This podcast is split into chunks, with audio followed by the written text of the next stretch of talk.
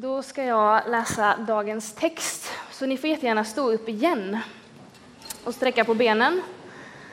Och så kan ni slå upp era biblar på sidan 771 och läsa tillsammans med mig från Johannes 17, 18 till 23.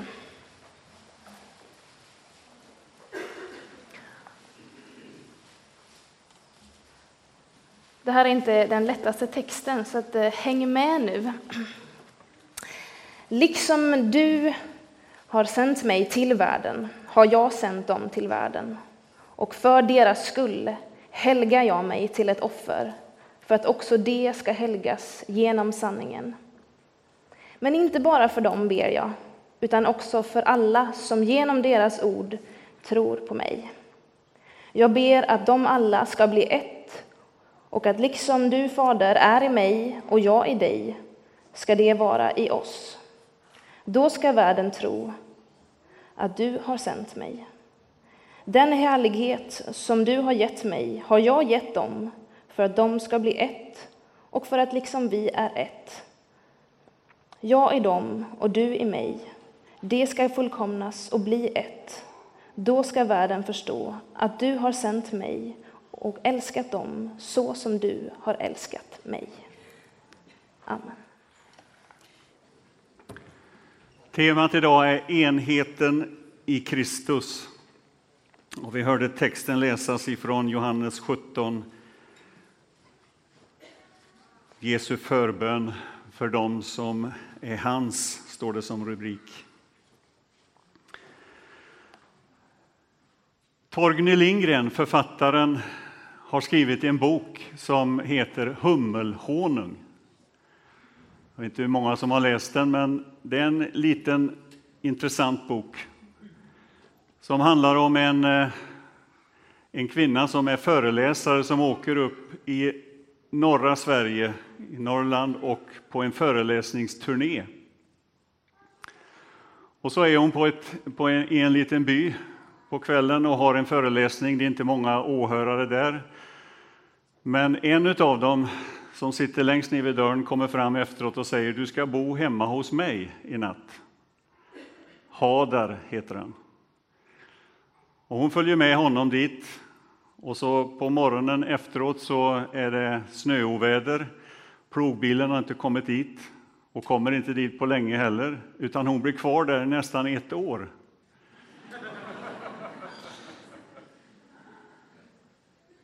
Och så upptäcker hon att i grannhuset så bor Hadars bror som heter Olof.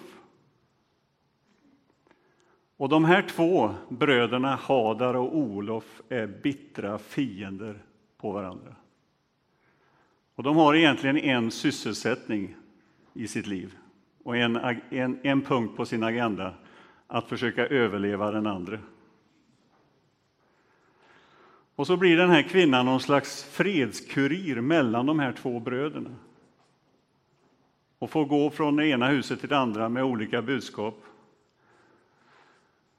Men deras eh, aggression och hat mot varandra, den består. Och de har lite olika knep för att lura varandra. Så att eh, den ena av bröderna, han bryr sig inte om att elda i spisen på morgonen Därför att den andra bron ska tro att nu är han död. Men det lyckas inte, för att han fryser, han får sätta på spisen så småningom. Och det här är en ganska tragisk historia. Eh, mycket märklig historia. Och det finns många bottnar i den här historien. Den handlar om, om eh, meningen med livet, det handlar om relationer. Eh, och man får mycket tankar när man läser en sån bok. Och den handlar om Även om inte Torgny Lindgren säger det i sin bok så kan man säga att det handlar om det som är människans största vad ska vi säga, fiende och hot och synd, nämligen självupptagenheten. Att det är det som är det stora hotet mot människan. Att leva ensam, isolerad utan att leva i relation till någon annan. Synd är i grunden fångenskap i min självupptagenhet.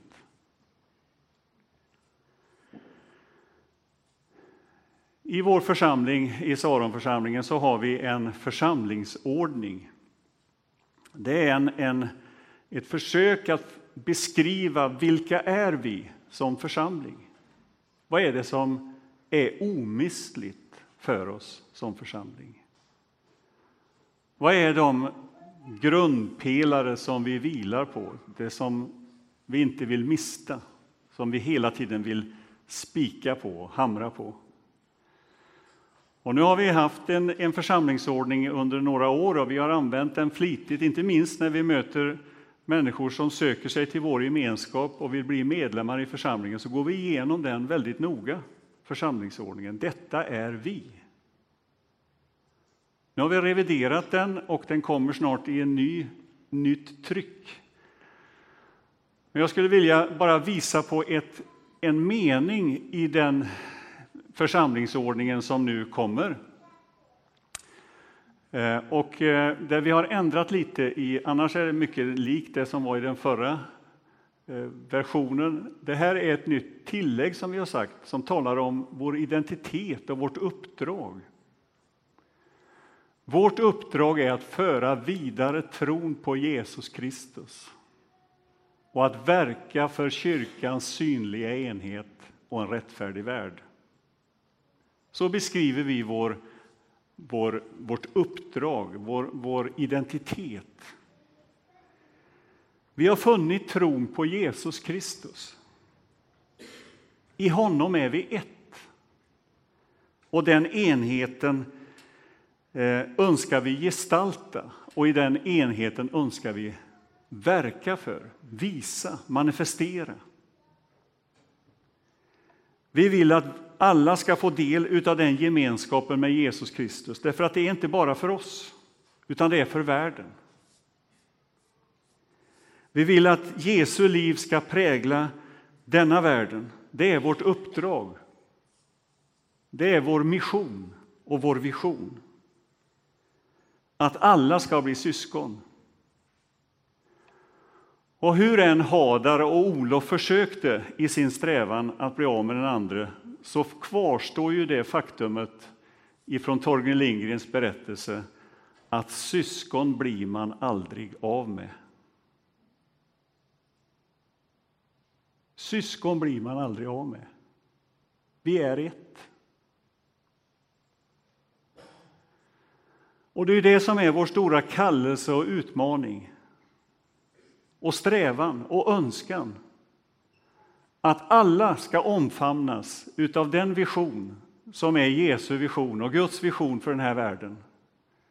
Att alla ska få del av den gemenskap som är en gemenskap mellan Gud och Fadern, Gud Fadern och Sonen och den helige Ande.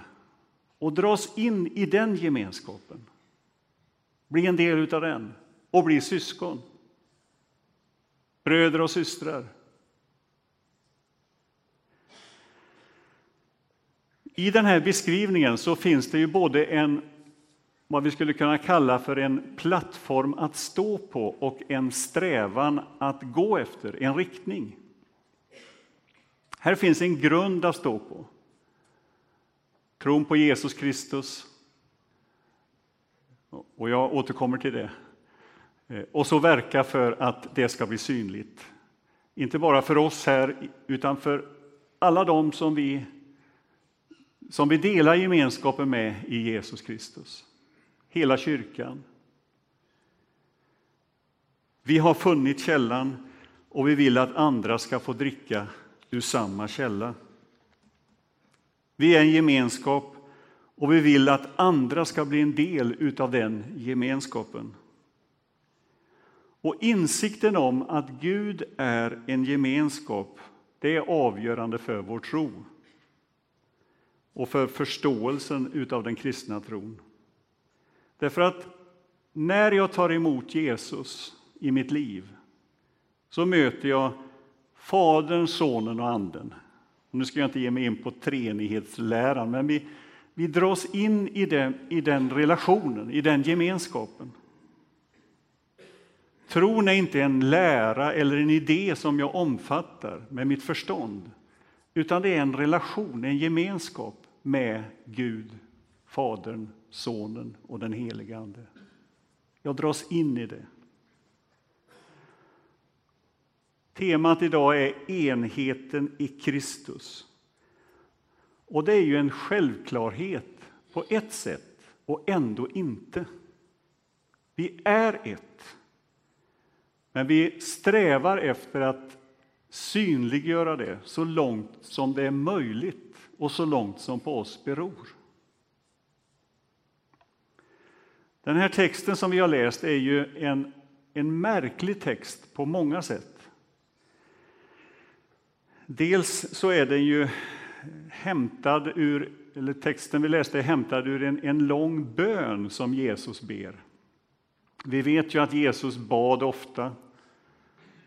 Han gick avsides och bad, står det. Han gick till öde trakter, han gick ut för sig själv i ensamhet och bad.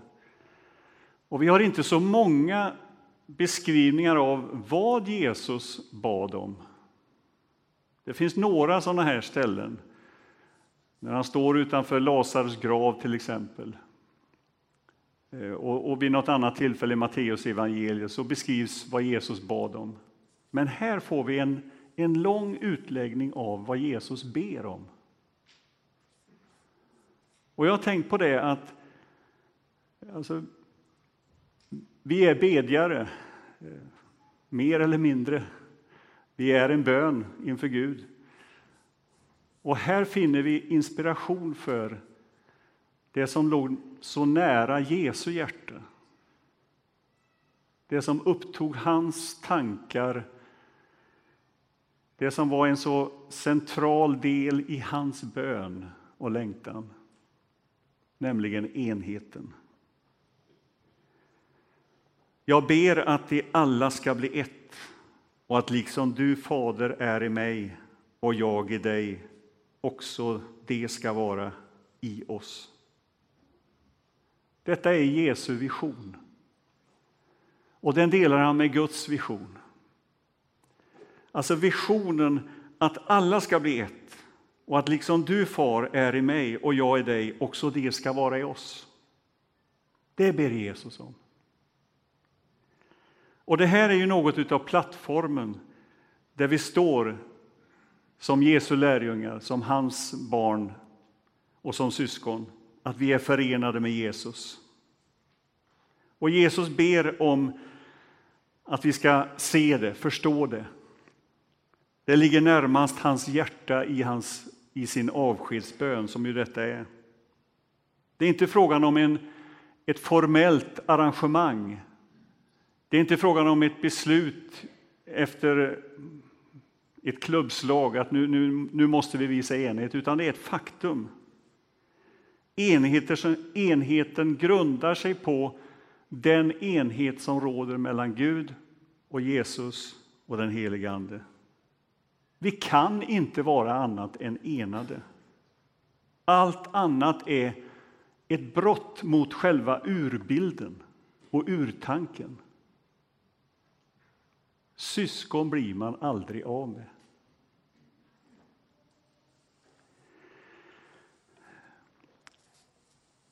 Nu finns det ju två dimensioner i detta. Det ena är ju min personliga relation till Jesus och vår gemensamma relation med Jesus. Men de kan ju inte skiljas åt. Men hur lätt är det inte att, att det blir så att jag bara tänker utifrån min horisont, från mitt perspektiv, från min relation till Jesus.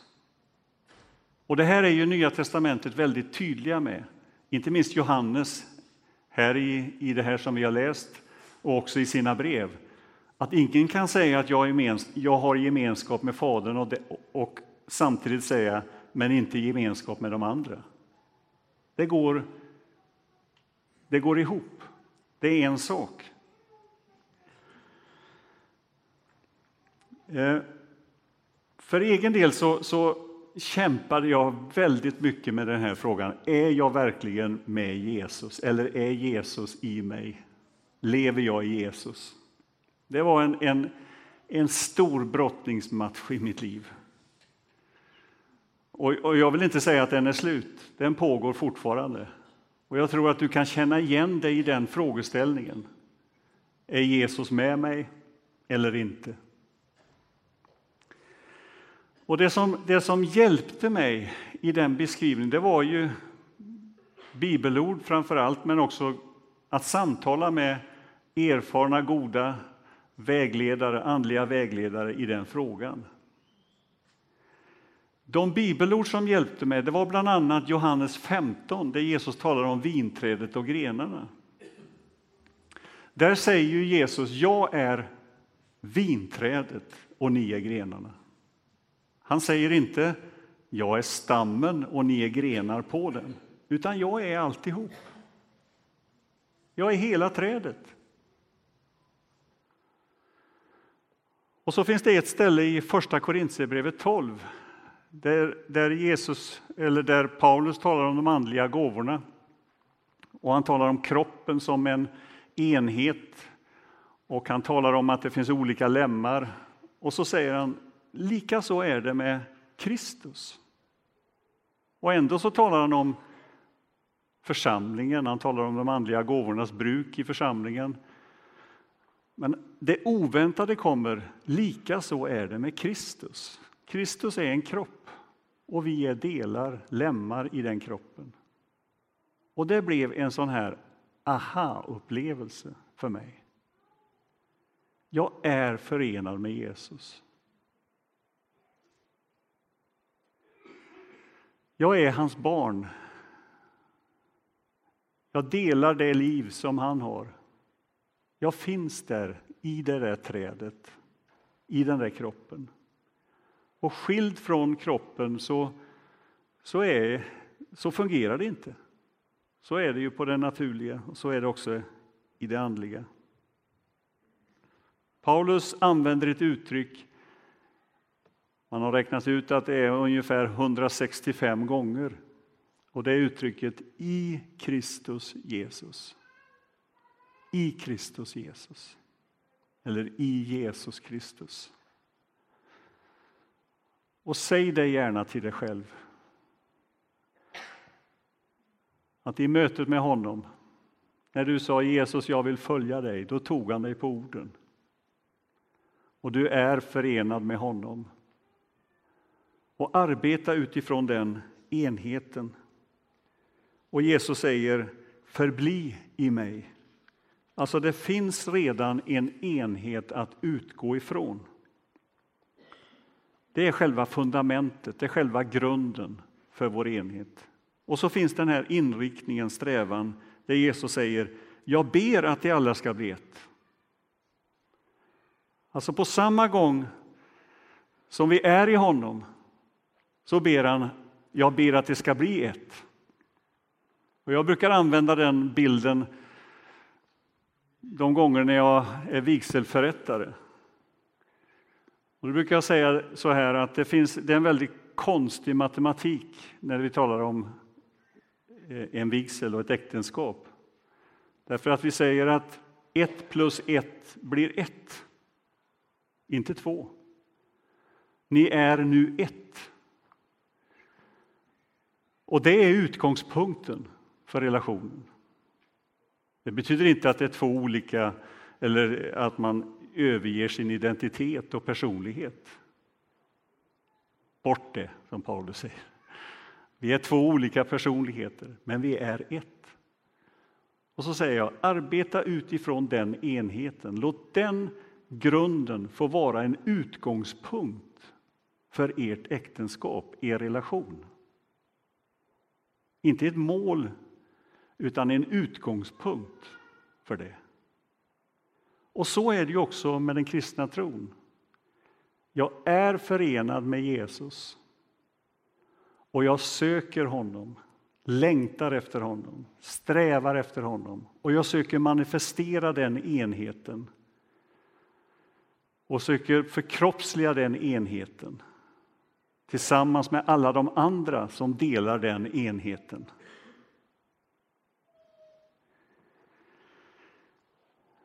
–2010 så gjordes det en stor undersökning som ett analyscentrum som heter World Values Survey eh, där man studerar såna här politiska och socialkulturella förändringar bland 50 länder. Och där hamnade Sverige som nummer ett, som världens mest individualistiska land. Alltså Sverige har en särställning i jämförelse med andra länder när det gäller icke-traditionalism, sekularism och fokus på individuellt välbefinnande. Här är Sverige någonting helt annat än landet lagom. Vi har flest ensamhushåll i världen. Ungefär var tredje vuxen svensk lever ensam. Idag talar man om någon slags statsindividualism där staten har ersatt släktens och familjens funktion att stödja individen. Så om livet kraschar, ja då är det mest det som ligger närmast är att gå till, till samhället, till staten. Inte till familjen i första hand. Hur opersonligt det än är. Och det här har ju också drabbat, eller är ju också färgat när det gäller tro och religion. Den har i allra högsta grad blivit individualiserad. Det är inte längre något gemensamt, utan det är, det är i högsta grad någonting privat. Och det här har jag berört tidigare när vi möter till exempel Migrationsverket och ska försöka förklara den kristna tron. Eh, och vi då får till svar, ja men det är ju någonting privat, det, det har inget med andra människor att göra. Och då kolliderar det med den kristna trons väsen. Att den kristna tron i allra högsta grad är någonting gemensamt. Någonting som får konsekvenser för andra människor. Det är någonting offentligt. Där tron har förpassats till insidan. Där det bara handlar om min uppbyggelse min andlighet. Jesus och jag och kyrkan nej. Och Det här är ju ett problem som, som eh, vi inte är först med. Utan till exempel i Första Korinthierbrevet så möter vi en församling som präglas i allra högsta grad av ett individualistiskt tänkande. Där det handlar om min upplevelse, min vishet, och det hade lett till grupperingar i församlingen, det hade lett till splittring i församlingen. Och Paulus reagerar med oerhörd kraft mot det han såg och hörde. Och det, bland det första han säger i Korintierbrevet det är Gud är trofast. Han som har kallat er till gemenskap med sin son Jesus Kristus, vår Herre. Första Korintierbrevet 1 och 9. Och när vi läser det, så, den versen så kanske vi tänker ja, men det ger väl råg i ryggen för det här individualistiska tänkandet. Han har kallat oss till gemenskap med sin son Jesus Kristus. Men vad som egentligen sägs det är att han har kallat oss in i gemenskapen. Alltså jag kan inte säga att jag har min relation till Jesus utan att samtidigt säga att jag delar den med alla de andra som har sin relation till Jesus.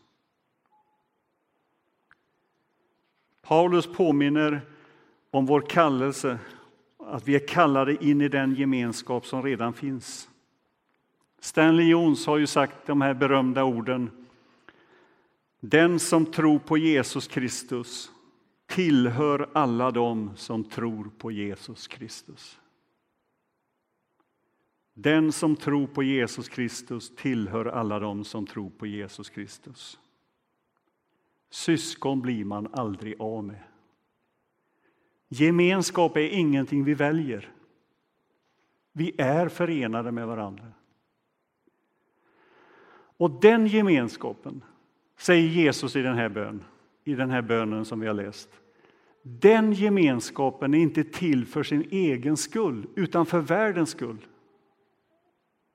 Att alla andra ska få vara en del och bli en del utav den gemenskapen. Församlingen och gemenskapen syftar utöver sig själv.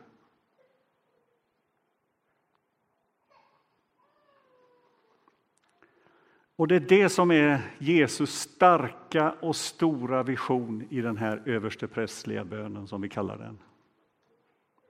Det är det som ligger så varmt i hans hjärta. Och han lider utav att se hur Olof och Hadar lever i två åtskilda hus. Det är den bilden, den tanken och den bönen och den visionen som jag önskar vi tog med oss. Och tänker efter, vad får det här för konsekvenser för mitt liv? Hur delar jag tron med alla de andra som tror? Och hur delar jag min tro med alla de andra som inte tror och är en del av den gemenskapen? Hur återspeglar jag den enhet, den gemenskap som jag vilar mitt lärjungaskap, min identitet som kristen på? Hur får det konsekvenser för mitt liv? Och jag önskar att den formuleringen som vi läste här ur vår församlingsordning ska också utmana oss att tänka större. Att tänka att vi är många fler. Och att vi, vi borde bli många fler. Att tänka att visionen stannar inte här vid de här väggarna utan den är utanför, längre, större, högre. Därför att Gud är gemenskap. Gud är hela tiden en relation, en gemenskap. Och Gud är större, hela tiden. Eller som någon sa, Gud är inte så stor som du tror, han är mycket större. Han är mycket större. Så älskade Gud världen, hela världen. Och i den visionen som sträcker sig över nya himlar och ny jord och ny skapelse i den visionen får vi finna vårt uppdrag som församling idag. Där får vi stå och dela den gemenskapen och uttrycka den gemenskapen var vi än är. Amen.